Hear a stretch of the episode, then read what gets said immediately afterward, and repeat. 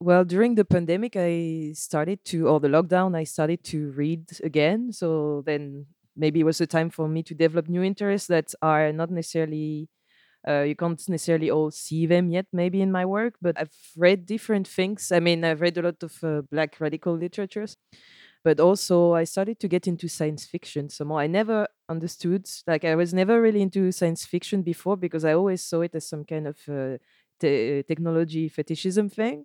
And then I understood how much it's uh, interesting from a political point of view and how much you can reflect on society, etc. Uh, also, I started to get more deeply into uh, algorithmic composition. During the lockdown, there was this uh, online edition of MaerzMusik, and then I got to meet uh, George Lewis, and uh, I read some of his texts about Voyager, etc., which I found really interesting, or for me, a more interesting way to talk about uh, algorithmic composition, etc., and programming. Um, and from there, I mean, recently I started to take interest also in the study of complex system. I saw that in the Institute of Santa Fe, they do a lot of courses about this, etc., which is kind of I don't know yet if it I will get somewhere with it in terms of music, but somehow the thinking makes me want to explore it. Um, because when I'm in this moment, I mean, I worked a lot since last year, but whenever I have a moment where I have a bit more time to self-reflect, I, I like to just have a sensation of playing with idea, not only. I mean, I'm always playing, but then you have more time to play without a goal.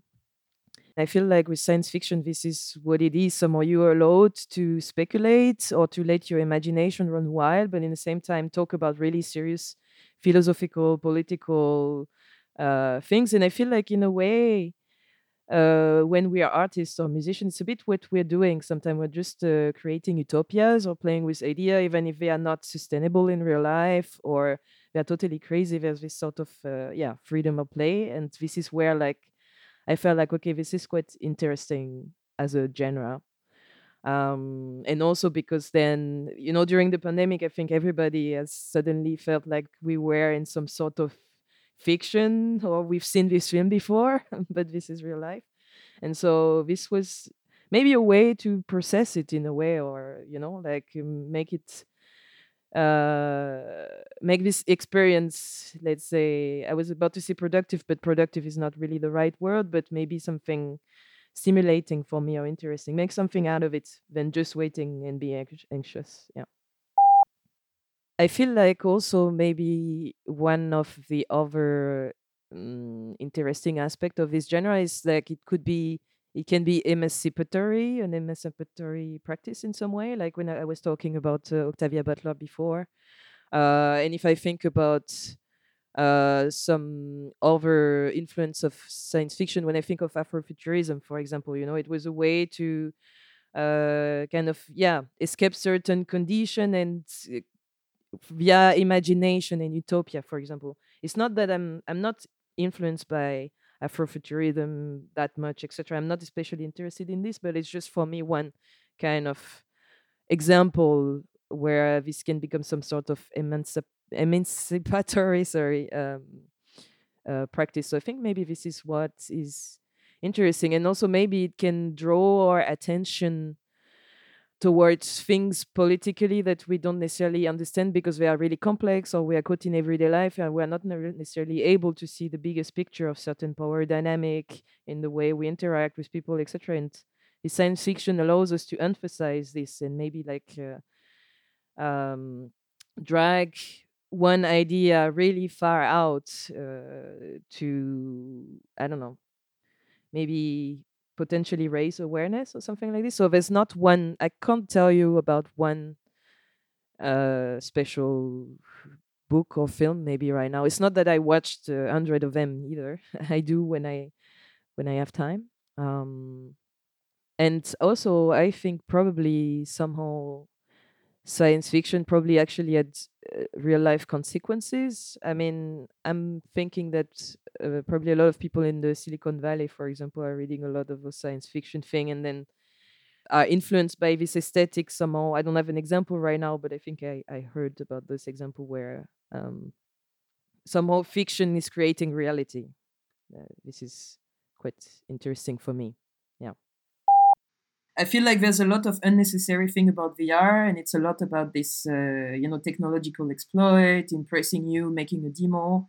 But some people have started doing interesting things, and I was thinking of this work of this person that did this VR environment where you are a person in um, uh, solitary confinement. So it was a documentary about uh, yeah people in the death row, uh, in prison for a long time, etc. And how else can you experience it than through VR? You know, except that you are there. But I felt like okay, there is a potential there, and uh, just by doing research of because it's really tied to the, the, the, the aesthetic of video games and by doing those research, I found that a lot of the characters that were available are really stereotypical. And so somehow your everyday stereotypical expectations are also um, present there, but in an even much more caricatural way somehow. And this comes also from the people that the, the audience probably that is making those uh, characters, etc. I'm sure it's a certain type of really restricted uh, demographic that is doing that. And so I thought that it was interesting to explore. It's almost like um, preset kind of uh, bank of characters, or you know. Um, and uh, so my first experiment was just to try to mash up those presets together, basically. Some gesture, stereotypical gesture that are intending for a certain type of character, and then a strongly stereotyp- stereotypical character uh, intended for a certain type of game or a certain type of situation, and then having them uh, let's see what happens. So, and in terms of um, perception, when when phenomena that interest uh, used to interest me a lot was the cognitive dissonance you know and uh, this is kind of what i was aiming at there in some way like cognitive dissonance happens when you are confronted to someone that doesn't fit your belief, but you're trying to reconcile your belief with what is going on.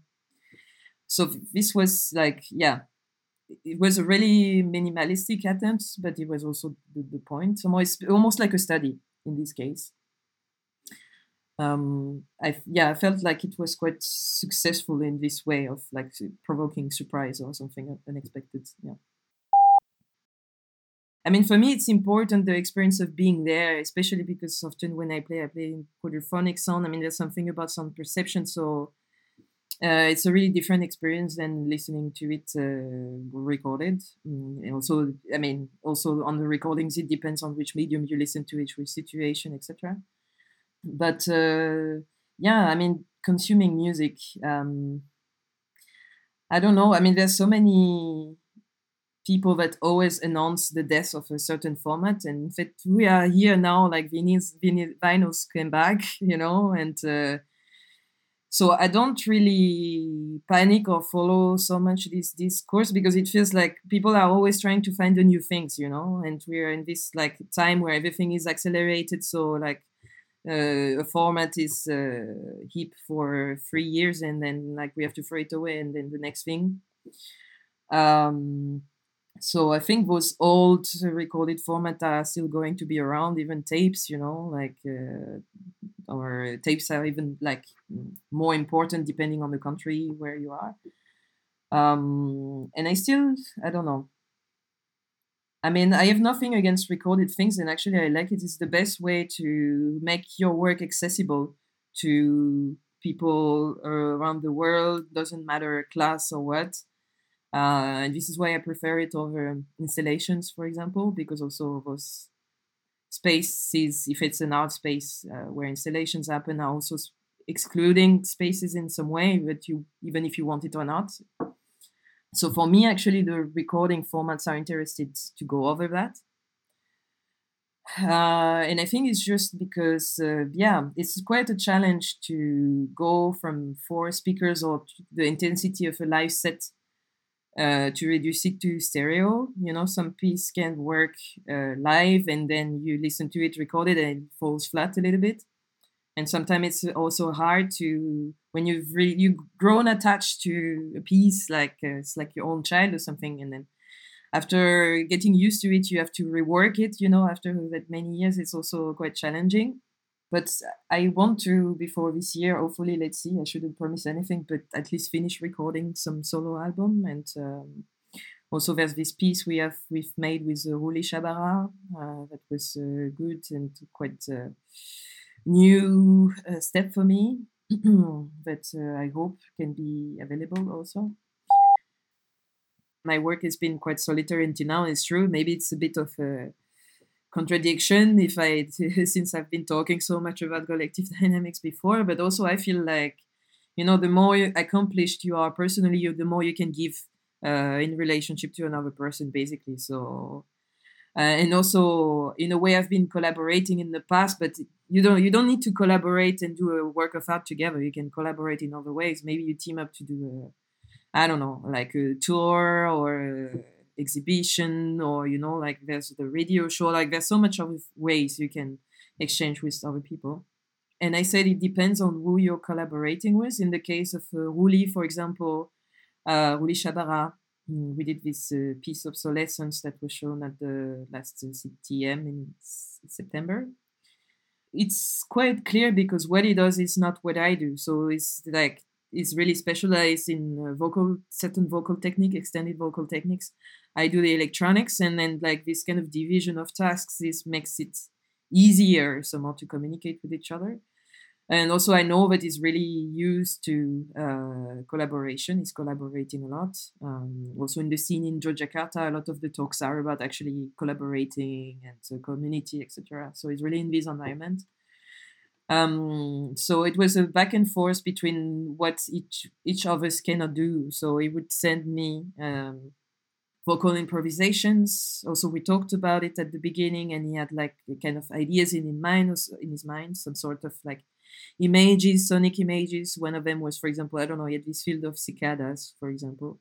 So his instrument is the voice, and it's quite limited. And if I use Max/MSP, even though we talked about this last time, it has its limitation but it's much more open somehow every time I, I build a system or an instrument.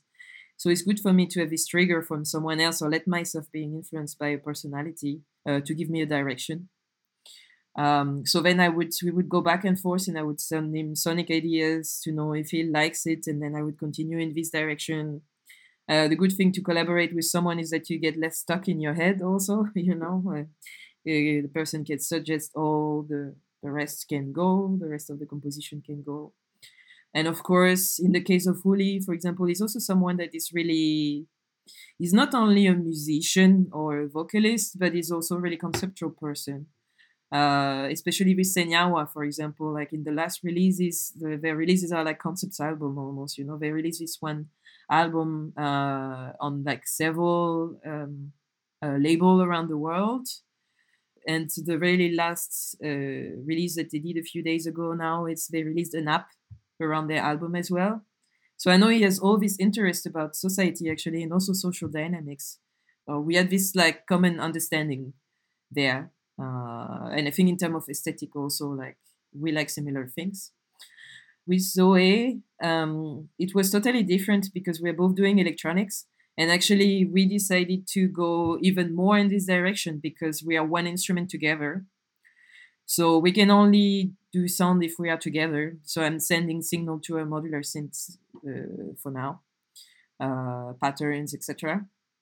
And uh, so yeah, like some people said, was like one instrument with two heads, and this was interesting again to it's challenging in different ways. When the person when you're in overlap with the person so much maybe it's made easier because she's also french. So in terms of collaboration uh, we understand each other easily. But for me a, a collaboration with someone is not only i know some people use collaboration for their career for example you know like some people would try to set you up together because it's good for your career or it's just one thing you do you have really little um, personal interaction. But in my case, those people are also friends, actually, you know. I know about their life, or like for me, it's really important some also to become so, some some sort of partner or like support, you know. Uh, so to have this emotional aspect, uh, because like when I create, it's totally. I mean, there's my emotions. I need I need this to be there. I can't be so pragmatic. I did uh, this composition, for example, for bagpipes, and it's an ensemble that is from Bretagne, so this region in the west of France. Um, yes, uh, the, the, the, the main person is called Erwan Keravec, um, and the ensemble is called Sonar. So they are all acoustics, even though it's like acoustic and electronics actually. Like so, it's them with the electronic. But I was surprised at the the especially in the case of uh, Erwan Keravec, what he's able to do in terms of sound with his instrument is quite special. And actually, it sounds really electronic. Um, he has this series of composition, like a commission, uh, that he does. Uh, he has uh, either from his ensemble or for himself solo. And so there is one in the last album that is from Éliane Radigue, for example. So it's part of the OCCAM OCEAN uh, uh, thing. And then the, I like I don't know the the boundaries between what sounds electronic and what is acoustic is so gray in the case of this kind of instrument that is so interesting. Uh, I did one more work also this year uh, for uh, pipe organ. Uh, this was from um, an ensemble that is called Gamut. They also have this like series of uh, they're commissioning different composers with different background to compose for pipe organ. And uh, I played in um, it's called the Gedächtniskirche, so the the church, the memorial church in Berlin, which is kind of a well-known place, really touristic one, because it's this church that uh, the old part is uh, almost totally destroyed. So it was destroyed during the war uh, by Nazis, etc. And they decided to keep it, and then there is a new church, uh, more contemporary, and built there. So historically, it's a really also a strong, strong place. Um, and the idea of this project is that it's not only a composition for pipe organs, but it's a computer-controlled uh, pipe organs. Uh, because a lot of uh, organs that are newly built since the 80s, I think, have MIDI in. So it gives a lot of possibilities in terms of uh, playing with it. For me, it was the first time I was approaching an organ, so I would be looking forward to work more with it. And in the case of this instrument, it was interesting because, uh, yeah, it's a com- control with the computer, but the sound is totally acoustic. Yet pipe organs are a really early example of uh, additive synthesis, actually, you know, a really early form of sound synthesis. And uh, I hadn't really realized it so much before until I approached one.